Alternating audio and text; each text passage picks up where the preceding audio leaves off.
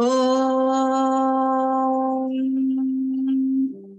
सहना भवतु सहनौ भुनक्तु सह वीर्यङ्करवावहै तेजस्विनावधीतमस्तु मा विद्विषावहै। ॐ शान्तिः शान्तिः शान्तिः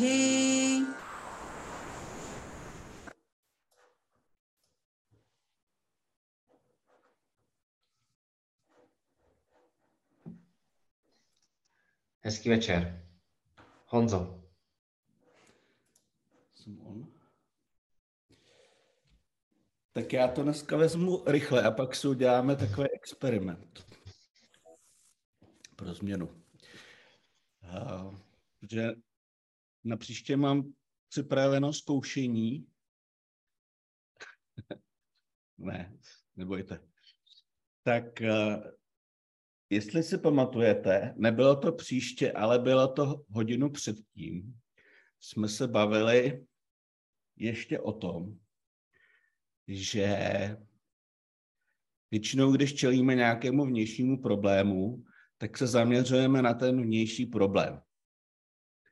Ale naše mysl má tu tendenci, že se vytváří ještě vnější, vnitřní problém, že ten vnější problém zveličuje a ještě má tendenci díky tomu zveličování vlastně jakoby ten intelekt dostat do takového stavu, že není schopen správně rozlišovat a dělat správná rozhodnutí. A Petr mi položil otázku, co se dá dělat s tím vnitřním problémem, nebo něco v tom smyslu, tak já bych Petře chtěl, abys mi ještě tu otázku položil znova, protože já jsem na to odpověděl, ale odpověděl jsem to tak uh, hodně povšechně, že jste si z toho možná nevzali tu základní myšlenku. Takže ještě Petře, co se mě to vlastně ptal? To, to nevím, samozřejmě. A ty to víš, že, že si to určitě nemůžu pamatovat. Ale je možný, je možný, že v kontextu toho jsem se tě mohl ptát na to, že když už ta situace nastane, když se do té situace člověk dostane, uh, jestli ještě je z ní nějaká cesta ven. No teoreticky ano, ale mnohem lepší je se na tu situaci připravit dopředu. A právě jsme se na to, o tom bavili v souladu s kšánty. S kšánty míněno hodně obecně s tím, že máme počítat, že nevyhnutelně součástí našeho života jsou jak ty vzestupy, tak ty pády a že nevyhnutelně uh, ty situace, které nechceme, aby přicházely, prostě budou přicházet. A to je to, čemu se říká to acceptance, anebo také acceptance meditation s tím, že, jsme, že si prostě připouštíme a chápeme, že ty negativní situace nebo ty situace, které nechceme, aby se nám stávaly, se prostě dít budou, aby jsme s nima dopředu počítali. To neznamená, že je budeme přivolávat, ale, ale že když přijdou, tak nás nezaskočí, protože budeme vědět, že jsou součástí života. Takže to jsem možná jenom chtěl trošku upřesnit. To, co jsem uh, asi před dvěma hodinama celkem složitě vysvětloval. To znamená, je to to kšánty s velkým kš, nebo s velkým k, to znamená, že přijímáme nevyhnutelně to, co pravděpodobně nemusíme mít vždycky rádi. Že to je prostě součást života a že s tím počítáme. To znamená, že nás to dopředu nezaskočí. Protože když s tím nepočítáme, tak nás to samozřejmě zaskočí a v tu chvíli už se s tím těžko něco dá dělat. Tak, potom jsme minulé začali novou hodnotu Arčevám, což, byl, což jsme nazvali soulad myšlenek slov a činů, že? A e, měli jsme zajímavou diskuzi o tom, e, jak to praktikovat. Protože čistě teoreticky víme všichni, že by naše činy měly být v souladu s našimi slovy a naše slova by měly být v souladu s našimi myšlenkami. Ale jak to praktikovat? A tam jsme si řekli, že jsou tři takové praktické možnosti. A na první, na první chvíli jsme si řekli dochvilnost, to jsme měli tu diskuse se Štěpánem, že Štěpán nechápal, že, že můžou být lidé, kteří jsou nedochvilní. V naší společnosti třeba tolik ne, ale Petr to potom upřesňoval, že jsou některé kultury, a Radek by třeba mohl taky vyprávět nedávno, měl, měl takovou zkušenost, že jsou některé kultury, kde opravdu ta dochvilnost jako není eh, jejich ctností. Takže proto dochvilnost tam byla. A potom plnění slibu, tam bych to možná ještě upřesnil v tom smyslu, že plnění slibu to nemusí být, eh, jako, nemusí být slovy, sliby explicitně vyjádřené, ale dokonce jsou to i sliby, které si jenom myslíme. To znamená, že si třeba myslím, že bych zítra měl něco udělat nebo někomu něco říct, ale není to vlastně jakoby závazný slib, který někomu dám, ani si ho nemusím jakoby dávat plně výslovně sám sobě, ale řeknu si, zítra udělám tohle a už to je ten slib. A pak, uh, pak jsme mluvili o pravdomluvnosti a tu jsme se teda lehce předefinovali na to, uh, abychom neříkali nepravdu, respektive nelhali. Zjednodušeně řečeno, nelhali. Protože uh, nemusíme za každou cenu všem říkat pravdu, protože by to někde mohlo kolidovat s, s tou hodnotou, kterou dáváme většinou na první místo, a to je ahimsa nebo neubližování. Takže jsme si to předefinovali na nelhat. Ale uh, jinak ta hodnota satyam je opravdu pravdomluvnost uh, jako přímý překlad. Tak, a protože když ono to vypadá sice jako, vypadá to eh, relativně triviálně, ale když někdo jenom uh, důsledně dodržuje tu dochvilnost a plnění slibů, jak už explicitní nebo implicitní, tak uh, duchovně roste. A, ale samozřejmě to trvá nějakou dobu. Tak to, to jsme vlastně uh, jenom se u toho tak zastavili.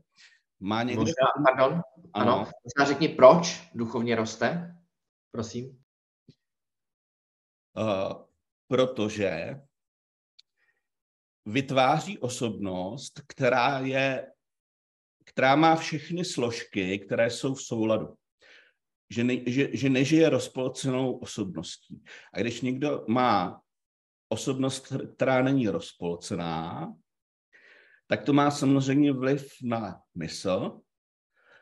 A víme, že připravená mysl, mysl je ta mysl, která nejenže dokáže to poznání přijmout a pochopit, ale že to poznání má potom schopnost, protože to poznání, k tomu poznání dochází k mysl, v mysli. S velkým M, si můžeme teďka říct do závorky, mysl intelekt, a to poznání, do, do, k tomu poznání dochází k mysli a aby to poznání mohlo zapůsobit, tak ta mysl potřebuje být připravená. A připravená mysl je klidná mysl a stabilní mysl. A k tomu právě přispívá osobnost, která má všechny složky v souladu.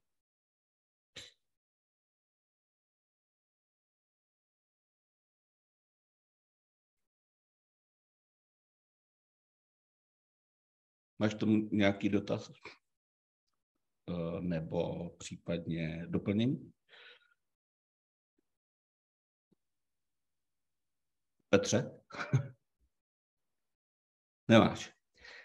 Tak v tom případě, pokud teda ještě k tomu někdo nechce něco dodat, protože ta, ta hodnota na vysvětlení není až tak složitá, ale na praktikování, jak už jsme si i u některých hodnot řekli, to trošku složitější vždycky je, tak eh, nechci úplně zdržovat, ale můžeme mít zase kolem toho nějakou diskuzi, pokud by někdo měl zaj- nějaký zajímavý dotaz, jako například minule Štěpán.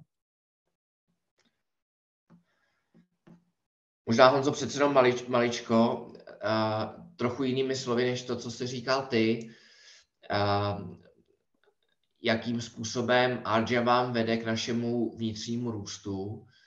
A sice uh, uh, pokud se pro něco rozhodnu, že něco udělám, nebo naopak neudělám, nebo budu dělat, nebo dělat nebudu, tak uh, pokaždé, když udělám to, co jsem se rozhodl, že udělám, tak vnitřně rostu. Ano. Pokaždé, když se pro něco rozhodnu a neudělám to, tak uh, ta moje osobnost vlastně slábne. Slábne, slábne, slábne zevnitř, dalo by se říct. A, a skutečně na vysvětlení ta hodnota je asi docela jednoduchá, ale týká se to i takových, vlastně týká se to na, na našeho celého dne, respektive celého života, od toho, když si řeknu, že ráno stanu v tolik a v tolik, tak pokud stanu, tak je tam ten soulad. Pokud nevstanu, stanu později, párkrát zamáčknu budíka, tak v mém případě nefunguje Arjava.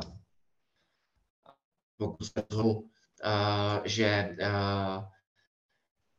nebudu pít víc než jednu skleničku k večeři, nebo, nebo že si nedám dezert a, a tak dále, a, tak, a tak, skákat své manželce do řeči, ten seznam je opravdu dlouhý.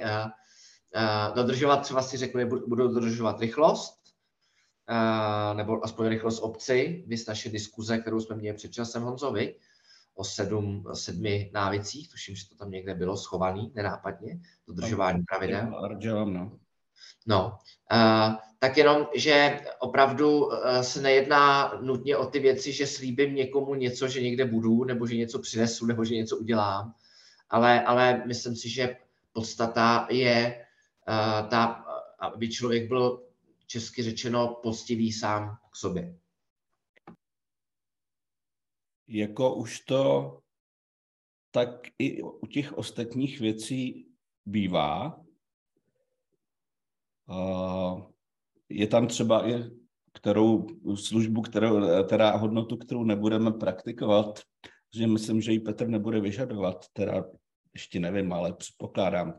Je tam služba učiteli. Tak ta služba učiteli se taky nedělá primárně pro toho učitele, ale dělá se primárně pro toho žáka, aby na základě toho mohl uh, spirituálně nebo duchovně růst, tak ta, arja, ta arjava, nebo ten soulad myšlenek, slov a činů, zejména třeba ta dochvilnost nebo plnění slibu, taky primárně není pro ty druhé, i když z toho samozřejmě benefitují. Ale je zase to primárně vlastně pro nás, pro ten náš vnitřní vývoj, vnitřní růst. Tak to asi jenom na doplnění k tomu. A asi moje hodinka už uplynula a předám slovo.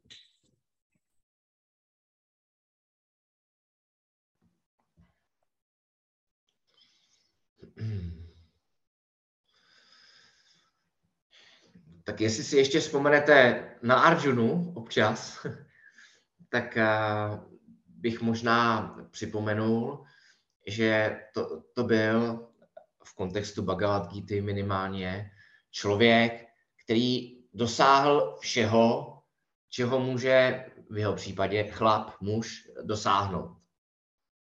Slávy, síly, bohatství, popularity, moci a, a tak dále a tak dále. A, a víte, že v tom kontextu, ve kterém se nacházíme, to znamená na bitevním poli, ještě předtím, než došlo um, k souboji, ke skutečné válce, tak uh, řečeno moderním jazykem se psychicky složil. My jsme si s Honzou uh, povídali uh, v závěru tohohle týdne a skutečně ta první kapitola je spíš psychologická než filozofická.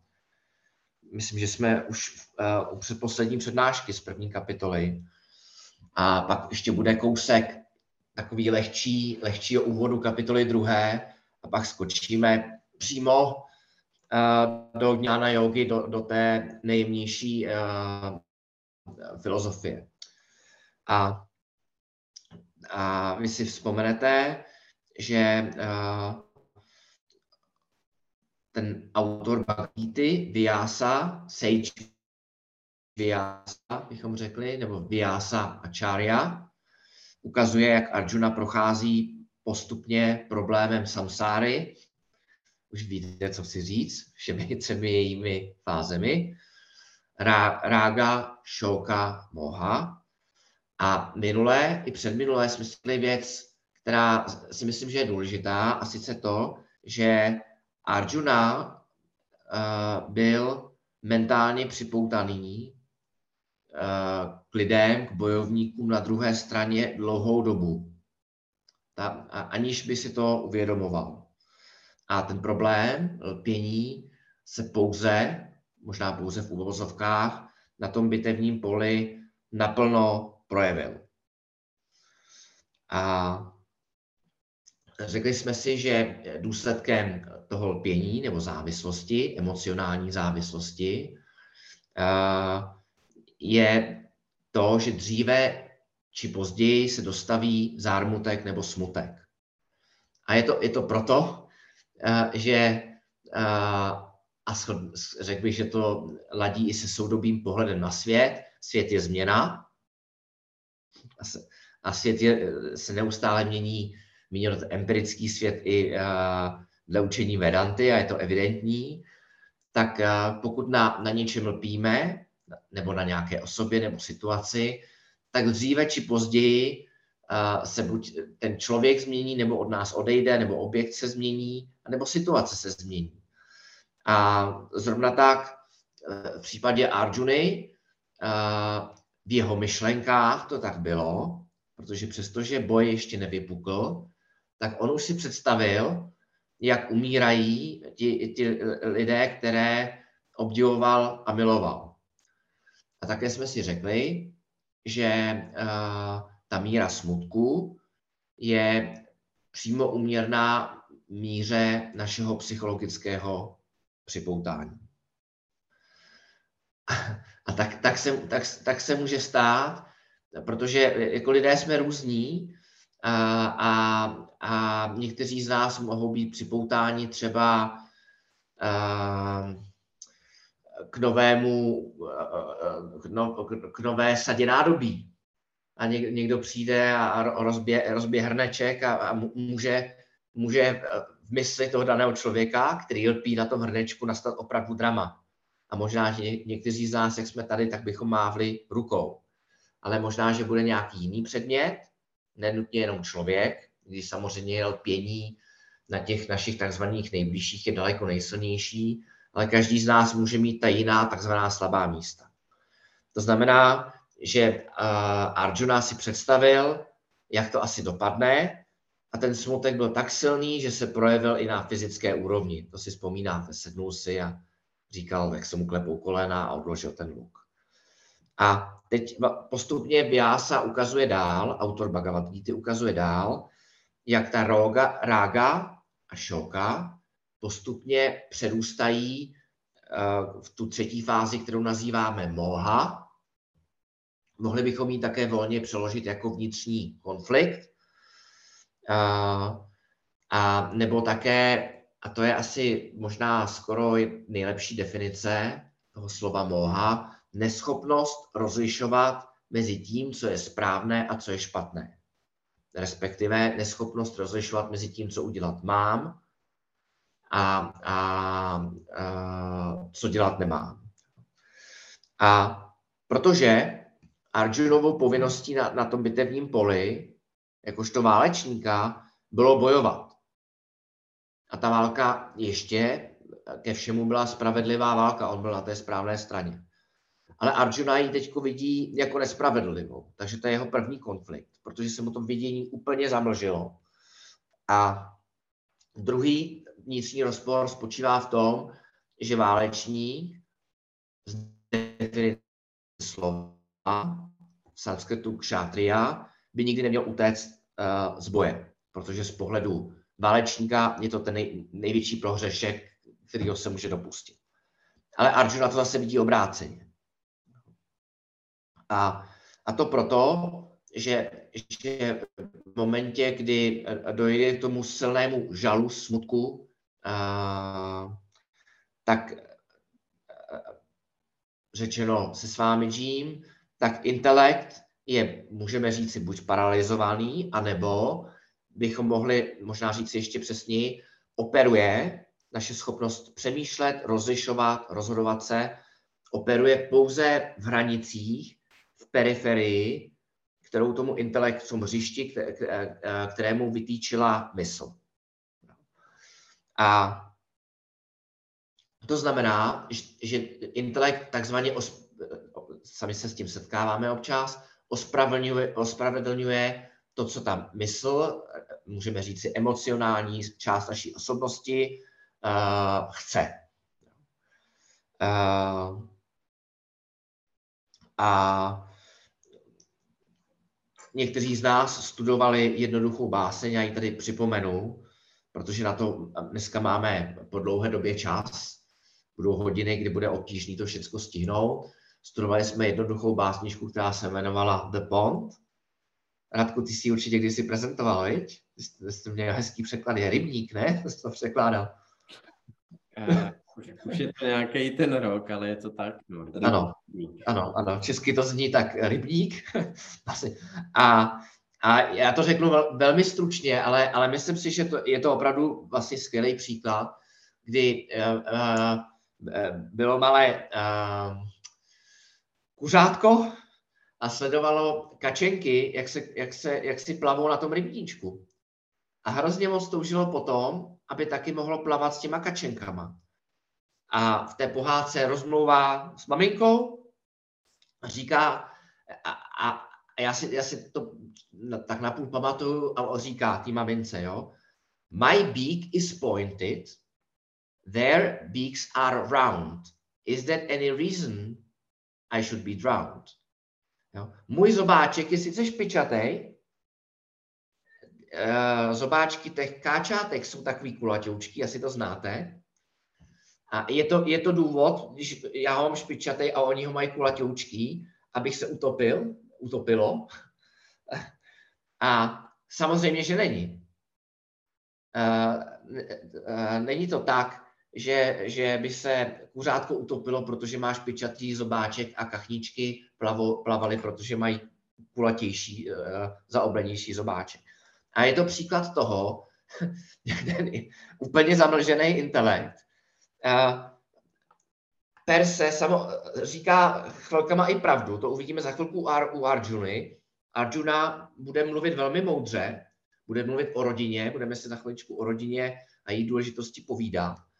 A, ale, ale tu argumentaci provádí absolutně nesmyslném kontextu, a používá ji k, eh, k odůvodnění naprosto nesmyslných závěrů.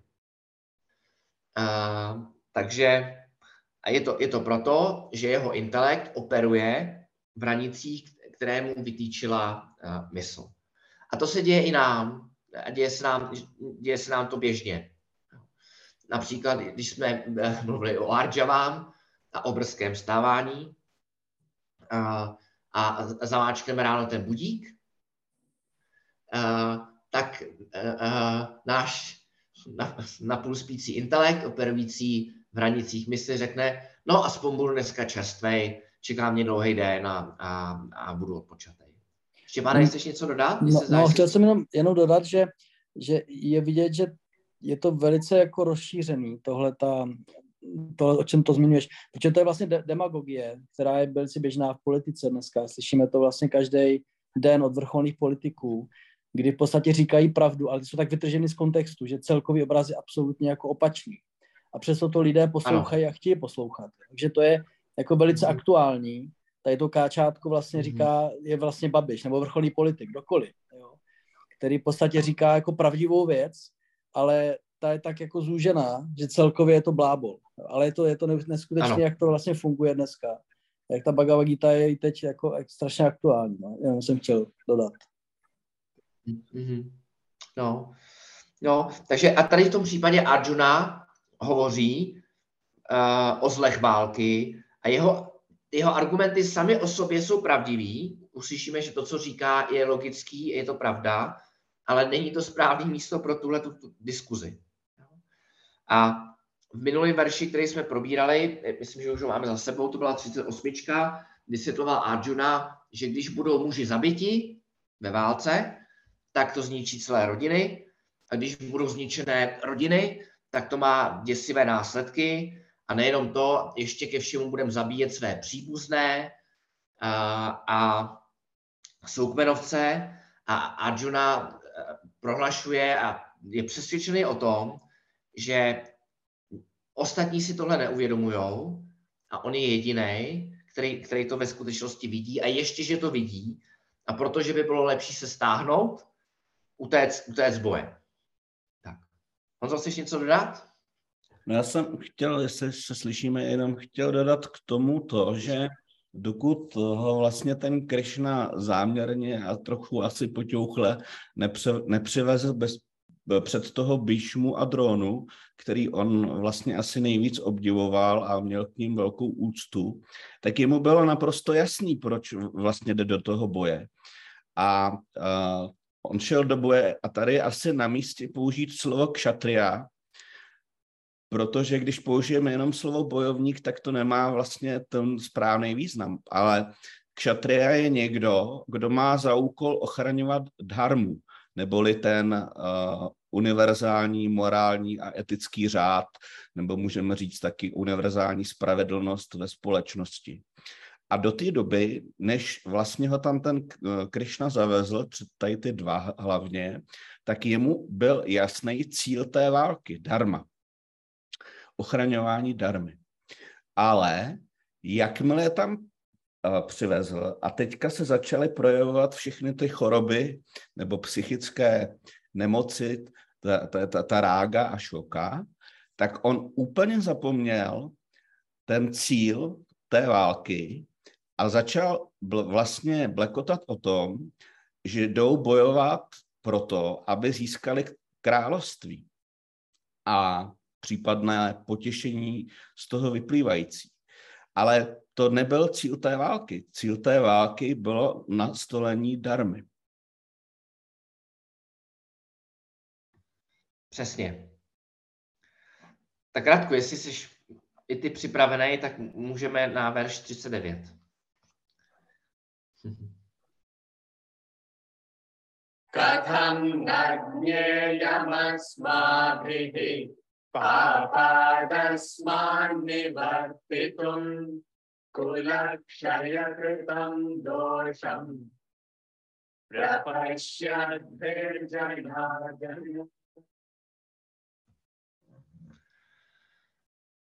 Proč se přesto nemůžeme rozhodnout od tohoto hříšného jednání upustit, Když vidíme zlo způsobené ničením rodin, o Kršno, říká Arjuna. Arjuna mimochodem bude pokračovat ve stejném duchu, nebo v podobném, podobném duchu, asi dalších sedm veršů. A na těch sedmi verších, když byste si teď udělali trošku větší nadhled, než je jenom jeden verš 39, který vidíte izolovaně, je asi nejzajímavější to, to, co tam není. Tak to často bývá. A to, a to co tam není, tušíte, určitě někteří, je, že by Kršna cokoliv říkal. A je to jedno asi z, z největších poučení té první kapitoly, my jsme si s Honzou trošku o kapitole 1 před pár dny vyprávěli, tak jsme si říkali, že jenom to, kdybychom si všichni odnesli, a Honza tím určitě myslel i na sebe a na Petra, aby když náš partner je v emocionálním rozrušení a něco říká, abychom uh, měli dostatek moudrosti nechat ho nebo jí vypovídat uh, tak dlouho, jak ten člověk potřebuje, tak by to byl obrovský posun v našem životě. Uh, protože, a s vámi to říkal moc krát, říkal to mimo jiné v kontextu vztahu specificky rodiče děti, říkal také specificky v kontextu mluvení o Vedantě, protože studenti Vedanty, tak jako studenti jiných oborů, kteří uh, mají rádi to, co studují, protože to považují za užitečné a zajímavé, mají tendenci o tom hovořit, tak s vámi moc krát, moc krát uh, říkal, nemluvte, dokud se vás někdo nedá. A protože pokud mluvíme k člověku, který nás neposlouchá, tak s každým dalším slovem, s každou další větou klesá hodnota našich slov. A ve skutečnosti je to tak, že zejména v našich rodinách, tak zhruba polovinu času, možná větší polovinu času, eh, mluvíme k lidem, který nás ve skutečnosti neposlouchají. Eh, takže to je asi to nejdůležitější. Kršna mlčí a poslouchá. A mimo jiné zřejmě neodporuje Arjunovi proto, že by, že by musel uvést nějaké důvody a Arjuna na to ještě teď vůbec není připraven. A v tomto verši Arjuna v zásadě škemrá u Kršny, protože, aby jsme nezapomněli, Kršna drží ty opratě. Takže pokud chce Arjuna odjet, tak potřebuje nějak tak přesvědčit Kršnu. Tady jenom, jestli můžu se zeptat, asi to jako chápu správně, ale v zásadě Krišna sice nic neříká, ale to neznamená, že by byl jako pasivní a že by jakoby, ne, nevím, nejsem si jistý, jestli nechává jakoby, já si myslím, že mu naslouchá tomu Arjunovi, jo, protože ten ano. Krišna, ten Krišna nám později ukáže, on vlastně tu darmu jako chce ochraňovat, logicky, že jo. To znamená, že on v rámci ochrany té darmy vidí, že ten, kdo jí měl ochránit, selhal a tudíž naslouchá tomu, kdo selhal.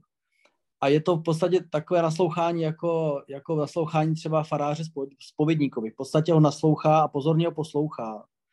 A, a nechává ho vlastně tu deziluzi celou si prožít a vyčerpat ale neznamená to, že by ho, jakoby ne, že by ho nechal opuštěného v té deziluzi. Protože v následujících kapitolách mm-hmm. mu bude vlastně říkat, vracet do zpátky do té správné dráhy. A to je jako velice jako, mm-hmm. jako podstatné, myslím, jako si říct. Jo. Mm-hmm. My pak uvidíme, asi tak za dva, tři týdny, jak, jak si Arjuna projde několika kroky vnitřně, které ho dovedou k tomu přesně správnému momentu, kdy Kršna promluví. A Kršna de facto na to přesně, jak říkáš, on samozřejmě eh, poslouchá pečlivě a čeká na ty správné signály, na ten správný moment, aby promluvil v pravou chvíli. A, a krásně, to, krásně to uvidíme, ten, ten moment nastane. Mhm.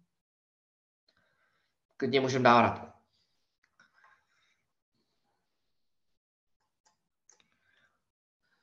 कुलक्षये प्रणश्यन्ति कुलधर्माः सनातनाः धर्मे नष्टे कुलं कृत्स्नम् अधर्मो विभवत्युत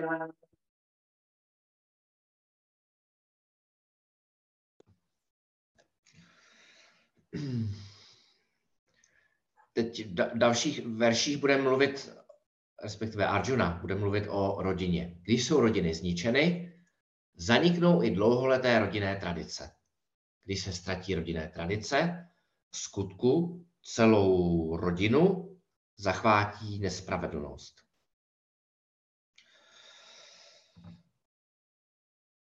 Tak, eh, v zásadě Arjuna se snaží říct, že bez rodinného života, bez zachování rodin, není šance, aby ve společnosti vládla dharma, volně řečeno řád.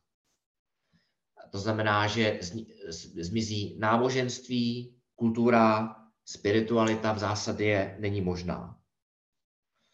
A,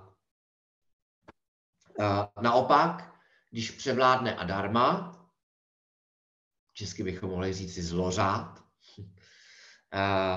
tak to znamená, nebo nastává to tehdy, když ve, ve společnosti nabide na důležitosti, nebo pokud lidé, společnost dá, přikládají důležitost těm druhým dvěma možným cílům, a to je arta a káma. Jednoduše řečeno peníze nebo bohatství, to je arta, vzpomenete si, a káma, to je de facto zábava věci, po kterých toužíme.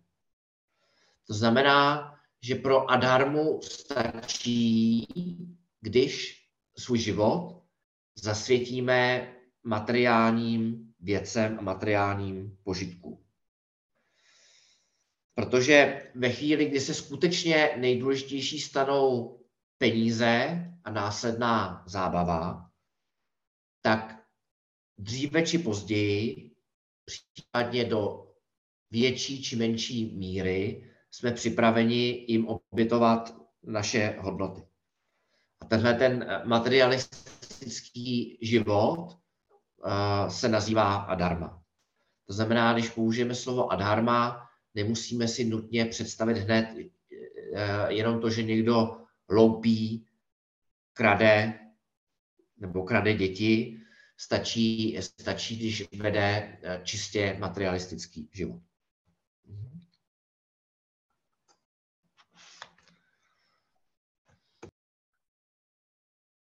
अधर्माभिभवात् कृष्ण प्रदुष्यन्ति कुलस्त्रियः स्त्रीषु दुष्टासु वाष्णेय जायते वर्णसङ्करः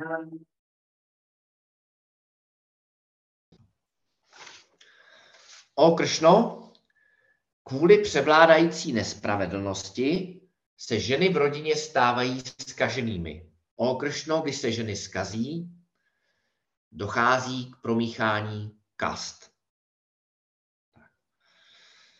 Myslím si, že ty verše sami o, sebe, o sobě pro vás můžou být složitý, pro mě by byly taky.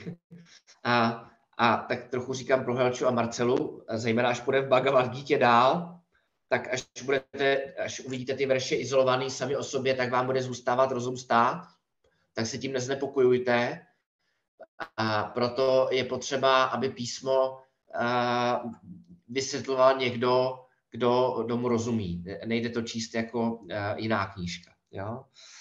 A nevím, jestli jsem to říkal minule, možná jo, možná ne, ale i kdyby stojí za toto zopakovat, asi se dá říci, že základem naší dnešní, řekněme, západní demokratické společnosti je jednotlivec. Z pohledu starých kultur, z pohledu písma, eh, byla vždycky základem společnosti rodina. Vypadá to jako kosmetický rozdíl a ve skutečnosti je to zásadní rozdíl. A, eh, a já tady k tomu mám pár poznámek, ne, že bych byl odborný na rodinu, ale, ale řeknu vám, co, co, jsem, co jsem si tady vypsal. Tak za prvé, uh, Paramartananda s vámi, Paramartananda, když probírá tenhle verš, tak zmiňuje, že uh, rodina je mimo jiné důležitá proto, že kultivovaná osobnost, míněno kultivovaná osobnost dítěte, se formuje velmi brzy. Podobně, a to všichni známe, je to zřejmější ještě, tak uh, základ našeho zdraví, uh, naší tělesné schránky, hrubého těla, uh, se taky formuje brzy. To znamená, pokud by děti trpěly špatnou výživou nebo podvýživou prvních 10-15 let života, tak potom, ať budou jíst sebezdraví, sebelépe, tak už ten nedohoní. To je zřejmé. To známe zejména, bohužel, ze subsaharské Afriky. Tam, kde to už není tak zřejmé, ale, ale kde je to zřejmě velmi podobné, je eh, na úrovni eh, naší, respektive jejich jemné osobnosti. Eh, to znamená, že ta zdravá psychika dítěte, posléze dospělého, případně starého člověka, se formuje velmi brzy. A zdravá psychika se může formovat jenom tehdy, když to děťátko, dítě vyrůstá ve zdravé, dobře fungující a stabilní rodině. Protože děti, i my všichni, když jsme byli dětmi, tak jsme přebírali hodnoty našich rodičů, zejména v první fázi maminky a posléze, posléze i od táty. A když, když už dítě přebírá hodnoty, tak klíčové je i z pohledu případného duchovního růstu, je, jakou hodnotu ten malý človíček, posléze velký človíček, přikládá sám sobě. Jaký má to dítko, holčička nebo klouček o sobě obraz. To znamená, jestli je milované nebo jestli je odmítané a, a dítě si vytváří názor samo na sebe podle toho, jak se k němu chovají rodiče, za předpokladu, že jsou tam oba dva. A proto uh, a, a pak se k tomu vrací i Kršna mnohem později v kapitole 6. Vlastně zdravá vnitřní osobnost je taková, která má přiměřený seberespekt. A v té kapitole je šesté je verš, který v zásadě říká, kde, kde Kršna Arjunu pozbuzuje a říká mu, Arjuno, pokud si nebudeš sám věřit, pokud nebudeš věřit sám sobě, nikdo ti nepomůže. Ani ten nejlepší guru, ani sám pán Bůh ti nepomůže, nepomůžou, pokud nebudeš věřit sám sobě. A tenhle ten sebe, seberespekt se rodí zřejmě v prvních několika letech života. A pak je tady taková zajímavá poznámka pro mě, eh, ale zdá se mi logická. Když eh, s vámi Paramartanda mluvil o sebevědomí, tak hovořil o přiměření, přiměřeném vyživení ega, zachytil jste Honzo možná taky, malých dětí, a, a říká, že pokud je to ego přiměřeně dobře živené, ego ve smyslu pocitu vlastní důležitosti v, v kontextu eh, téhle debaty, tak může růst, uzrát a posléze odpadnout, což, což je mokša. Uh, to znamená, že chce se tím říci, že je obtížné zbavit se ega, které by předtím bylo přiměřené. Uh, to znamená, jednoduše řečeno, lidi, kteří nemají respekt sami k sobě, přiměřenou úctu sami k sobě, přiměřenou sebedůvěru, zdravou sebedůvěru, myslím, že česky říkáme, tak těžko pokročí na duchovní cestě. Malinká odbočka, ale řekl bych jako míněná poměrně vážně. Ehm, mladí studenti, kteří se hlásili do akademie, tak samozřejmě s vámi s nimi vždycky udělal pohovor a rozhodně hledal zdravé, přiměřeně sebevědomé osobnosti, lidi, kteří před nikým a před ničím neutíkají do ašrámu studovat Vedantu, protože to by nefungovalo. Jinými slovy, text, který studujeme teď, Bhagavad Gita, určitě není míněna pro lidi s, uh, s psychickými poruchami nebo s psychickými problémy. Což řečeno jinými slovy, eh, hovořili jsme moc krát o Sádana Čatuštaja Sampaty, o, o předkladech, předpokladech osobností, všichni si vzpomenete.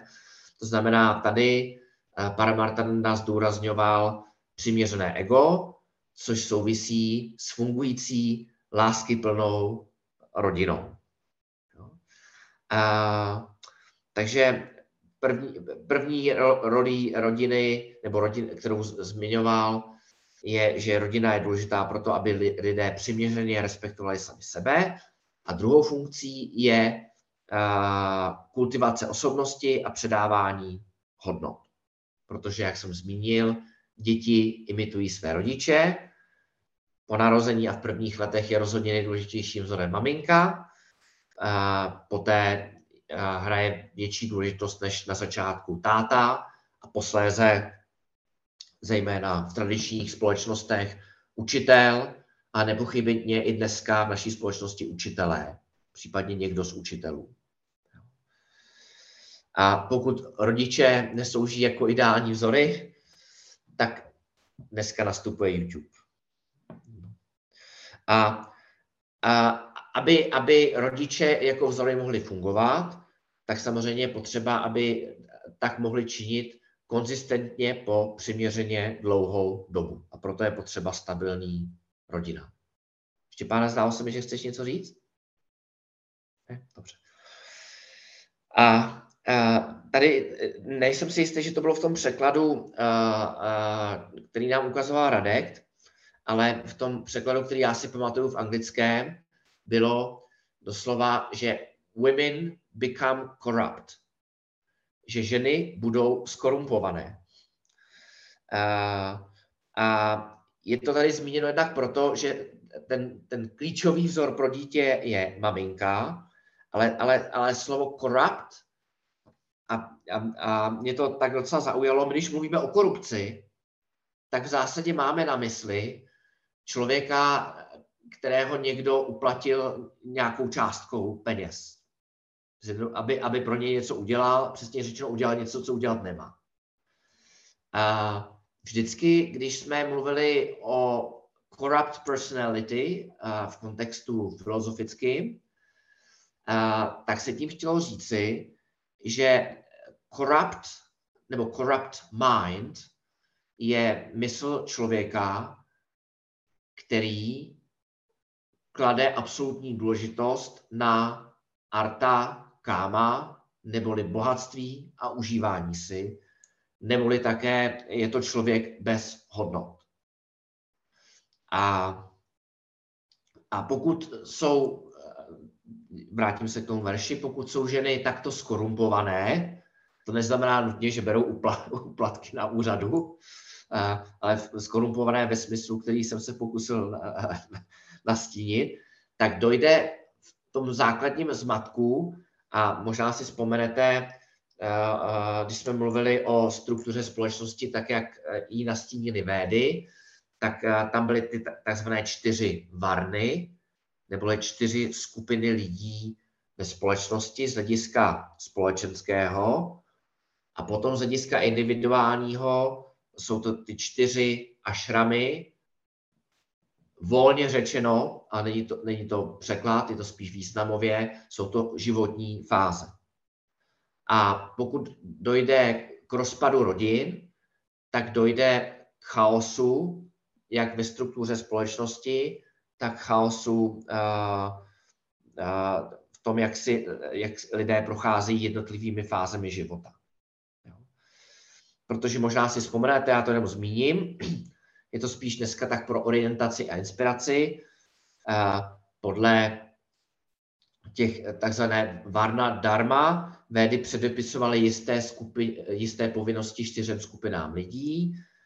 Vzpomenete si, že brahmani měli povinnosti kultivovat, učit, zejména, zejména filozofii a náboženství. Kšátria měli povinnosti politické, vůdčí, udržovat dharmu, jak nám Honza pěkně řekl. Vajšia měli, to byl ten ekonomický článek společnosti, a šudra, ty pomáhali těm třem skupinám v jejich práci. A všechny čtyři ty eh, skupiny byly důležité.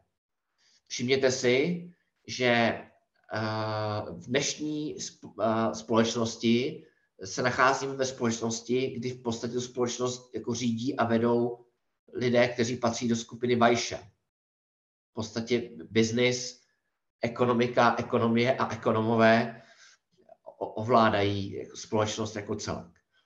A byly časy, a, a nechci dělat dlouhou odbočku, v historii byly, byly určitě pospolitosti a kultury, kde to právě byli ti bráhmani, ti duchovní, ti moudří, a nebo třeba jenom stařešina v klupě.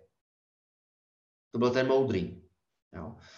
Byly doby a národy, kde to byli válečníci, od Atily až, až po Napoleona, Napoleona a další. A bohužel byly doby, kdy to byla i dělnická třída. To byly ti šudras.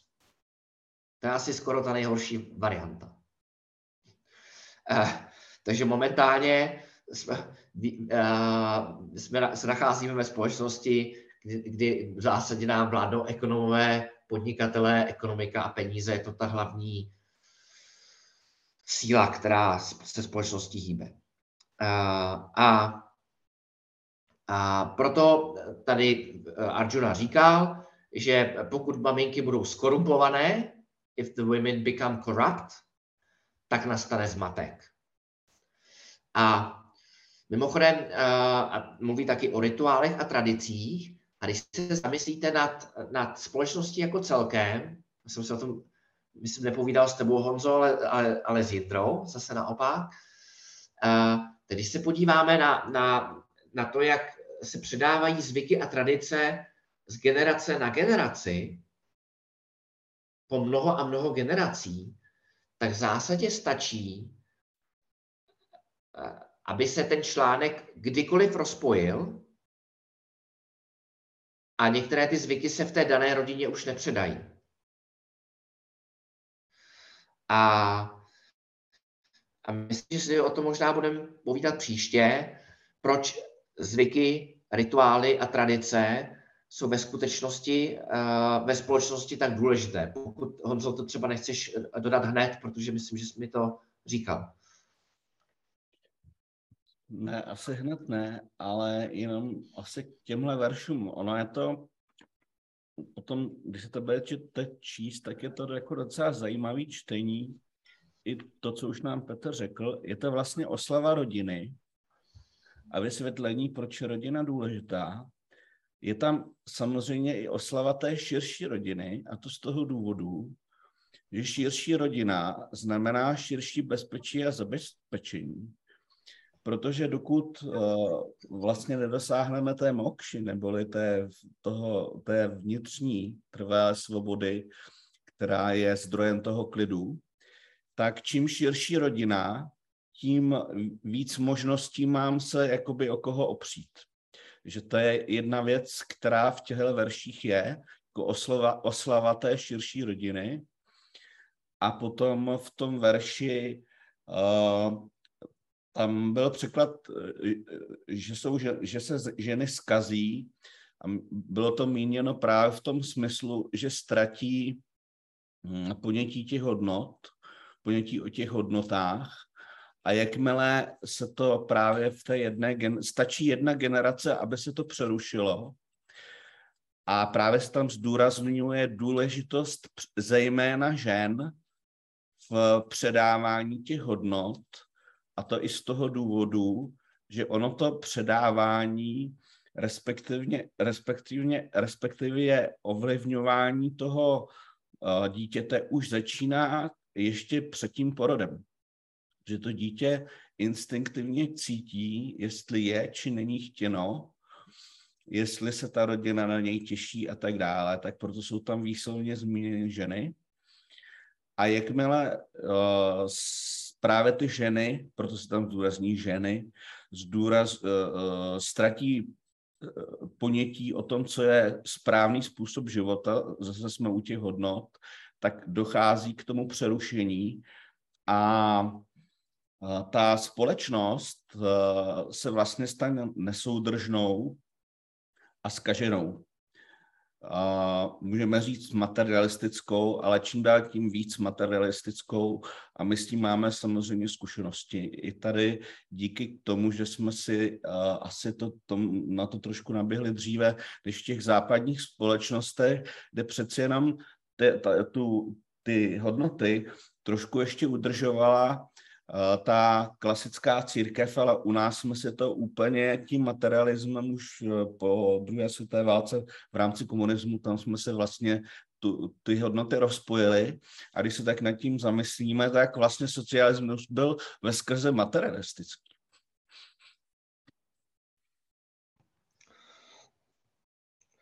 Tak, uh, tolik Honza a skoro bych řekl tolik Arjuna pro dnešek.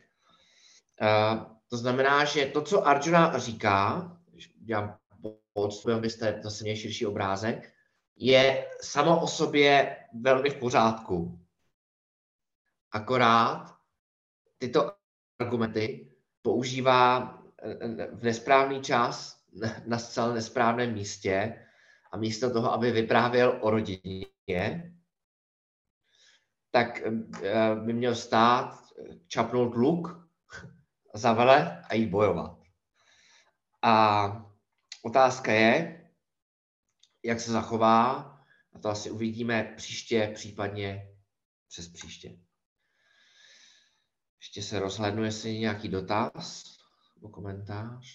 Daniela? Jsi asi... Mhm. Jo. Um, jo, já se pokusím nějak. Um, jestli je možný, um, um, jestli dokážete říct vlastně víc k tomu, um, že pokud většina z nás je absorbovaná ve svém životě a často se rozhoduje a jedná na základě právě té mysli, která následuje ty potřeby a, a ty touhy a ten, ten intelekt často nepracuje, není vyvinutý, neví, lidé o něm neví a, a ta mysl uh, mimikuje intelekt. Tak, uh, tak jako v, uh, u Káčátka nebo kde, kdekoliv jinde, tak Kršna, ne, Kršna není za našimi zády a, uh, a, a neříká a, ne, a nevyvádí uh, nás omylu uh, pravidelně. Uh, tak vlastně se zamýšlím nad tím, um, jak, je, jak se udržuje ten univerzální řád, pokud eh, většina lidí, dejme tomu, postrádá intelekt a, um, a jedná právě spíše třeba v souladu se svými potřebami a touhami, než uh, tím, co je správné a co není, nebo co je dobro a zlo. Je, je, je, uh, no, jestli to je srozumitelný. Asi srozumitelný to je.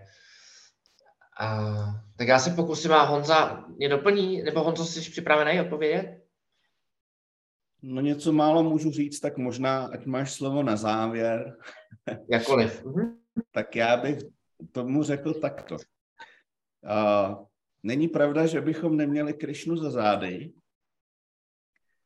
protože jak je nás tady těch pár, tak bych nás nazval 1, 2, 3, 4, 5, 6, 7, 8, počítám dobře. Je nás tady 8 vyvolených. Je nás tady 8 vyvolených v tom smyslu, že jsme se dostali k Védantě a máme za zády Védantu. Pomyslně teda toho Krišnu. Takže to je naše štěstí. A takže máme pomyslného Krišnu za zády. Máme návod, když budeme chtít. To je jedna věc. Druhá věc, uh, většinou to tak bývá, že když ta společnost se, se uh, dostane na to dno, to znamená, což asi tak logicky tak nějak všichni chápeme, že ta naše společnost se po, postupně na to dno dostává, protože čím dá tím víc materialističtější a sobečtější, tak většinou nastane nějaká situace, že se objeví někdo, a buď je to ně, něco, čemu říkáme ten avatar, anebo kdokoliv, prostě třeba Masaryk, se objeví a tu společnost zase pozvedne. Protože, jak jsme si řekli, eh, ten náš život je, se, se stává nejenom z individuálních sestupů a vzestupů, ale i v té společnosti tomu dochází. Samozřejmě ten, čas, ten časový okamžik je o něco asi pravděpodobně delší. Takže, já, takže odpověď na tvou otázku je, že to chce trpělivost a že jakmile ta společnost dosáhne dna, tak se zase od toho dna odrazí. Dostane, vlastně nastane nějaká hluboká společenská změna, která zase navrátí ten hodnotový způsob života.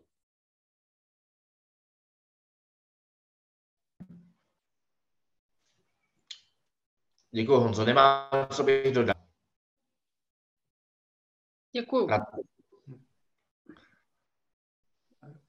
než to ještě pustím, tak mě napadá, že vždycky, když se dostávám do situace uh, adharmický uh, a hledám nějakého spojence a žádného spojence nebo partnera nemůžu najít, kdo by mi v té situaci pomohl, tak uh, je dobrý se spolehnout na ty hodnoty, na ty, na ty vlastní principy, na tu Vedantu. To je to, to, že máme toho Krišnu za zády, ačkoliv si myslíme, že nemáme. No. Hraje tam nějakou roli eh, svědomí? Není to svědomí jakoby to, co nás na konci dne z toho bahna, jakkoliv jsme materiálně zahledění, potom pozvedne? Mohli bychom říct, jenom, že jak už jsme si říkali u těch uh, sedm zdravých návyků, jestli si pamatuješ, tak tam byl návyk, že bychom měli naslouchat tomu svému svědomí. Vím, že spousta lidí si to odvykla a už teď ten signál z toho svědomí nedostává. Takže jenom na to se spolehat nelze. Mhm. Jasně, ale Možná si případě... Štěpáne... Mhm. Pardon. Možná si vzpomeneš, Štěpáne, uh, svědomí je báječný, protože skoro vždycky ukazuje správně ale má tu nevýhodu, že eh, je často zakryto vrstvou eh, našich různých tužeb, očekávání a přání, nejenom jejich množstvím, ale i jejich intenzitou. A v případě, že nedochází k jejich naplňování, tak naše mysl je natolik neklidná, roztěkaná nebo rozhněvaná, naštvaná, že v tu chvíli vůbec nejsme schopni svědomí naslouchat. Takže spolehlivější obrana pro nás, obrana, eh, recept, je eh, kultivovat naší osobnost, eh, po většinu času dělat to, co dělat máme, jinými slovy to, co nám říká náš intelekt, že bychom dělat měli, ne to, co nás jen tak napadne, zrovna v tu chvilku. A, a, a ke svědomí se uchylovat pouze ve, jako ve výjimečných případech, když už opravdu nevíme. Možná si vzpomeneš na ten příklad, když uh, bratranec nebo ma, manžel naší tety slaví narozeniny a pozve nás, jestli tam máme přijít, je, je to naše povinnost nebo není, uh, tak použijeme ten intelekt, který máme, přemýšlíme chviličku, protože to není životní rozhodnutí a když nevíme, tak si můžeme chvilku tak sednout, zavřít oči, tak říct si, hm, tak co je správný, co bych měl opravdu udělat, co mi říká můj vnitřní hlas. Takže tím chci říct, že ke svědomí, tohle je takový trošku úsměvný příklad, ale ke, ke svědomí bychom se měli spíš uchylovat uh, jako k takové poslední instanci, když už opravdu nevíme. A ještě předtím možná eh, ten post, ta sekvence, eh, a pak ti vrátím slovo, je eh, použít intelekt, který mám. Pokud nenalézám odpověď, nebo se nejsem jistý, tak se opřít o silnější intelekt, případně aspoň o, o jiný intelekt, rozumně silný, který v tom nemá vlo, emocionálně vloženo, o ten se opřít, tak jako se opřu o strom, a, a, ne, a pak až na posledním místě je hlas svědomí. Jo, jo, souhlasím. Já jenom, že Daniela říkala, že když není za náma ten Krishna, co, co tedy dělat? No, tak já jsem jenom přemýšlel, že když teda už nevím kudy kam, tak je tam to svědomí, jo? protože Ano. pokud nemám, pokud nemám Bhagavavitu, nemám učitele, nemám Vedantu, nemám kde si ten intelekt vy, vybrousit, tak zbývá podle mě to svědomí, což koresponduje s tím, co jsi řekl. Mm-hmm. Jako poslední instance. Jasně. Ale pro nás už nejsou výmluvy, protože víme, že Vedanta je. To je pro Danielu, no. Pro, Danielu, pro tebe už není výmluva. To je pro nás. pro všechny. My už máme právě děkuju. Vedantu, tak, muž, a, ale to neznamená, že to nemusíme teda s tím svědomím kombinovat. A teda na závěr bych asi teda k tomu řekl, že samozřejmě uh, víme, co říkal s vámi, či pozvedni sebe, pozvedneš svět. Všechno to prostě začíná u nás a začíná to nějakou drobnou, pomaličko, drobnou uh, prací, uh, nějakým drobným úsilím.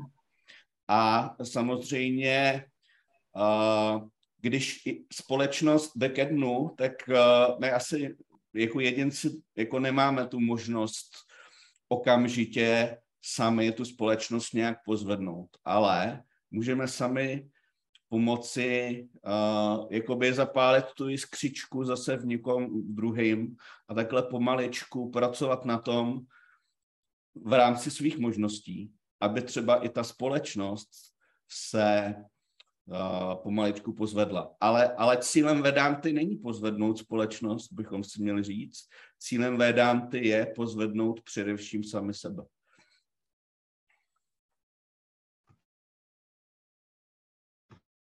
Přesně tak. ॐ पूर्णमदः पूर्णमिदं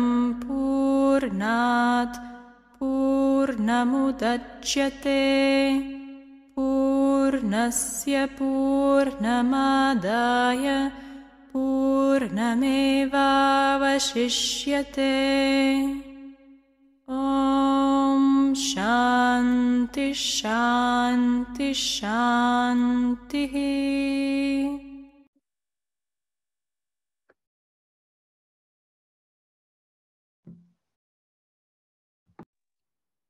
Mějte se hezky, ahoj. Ahoj, hezký večer.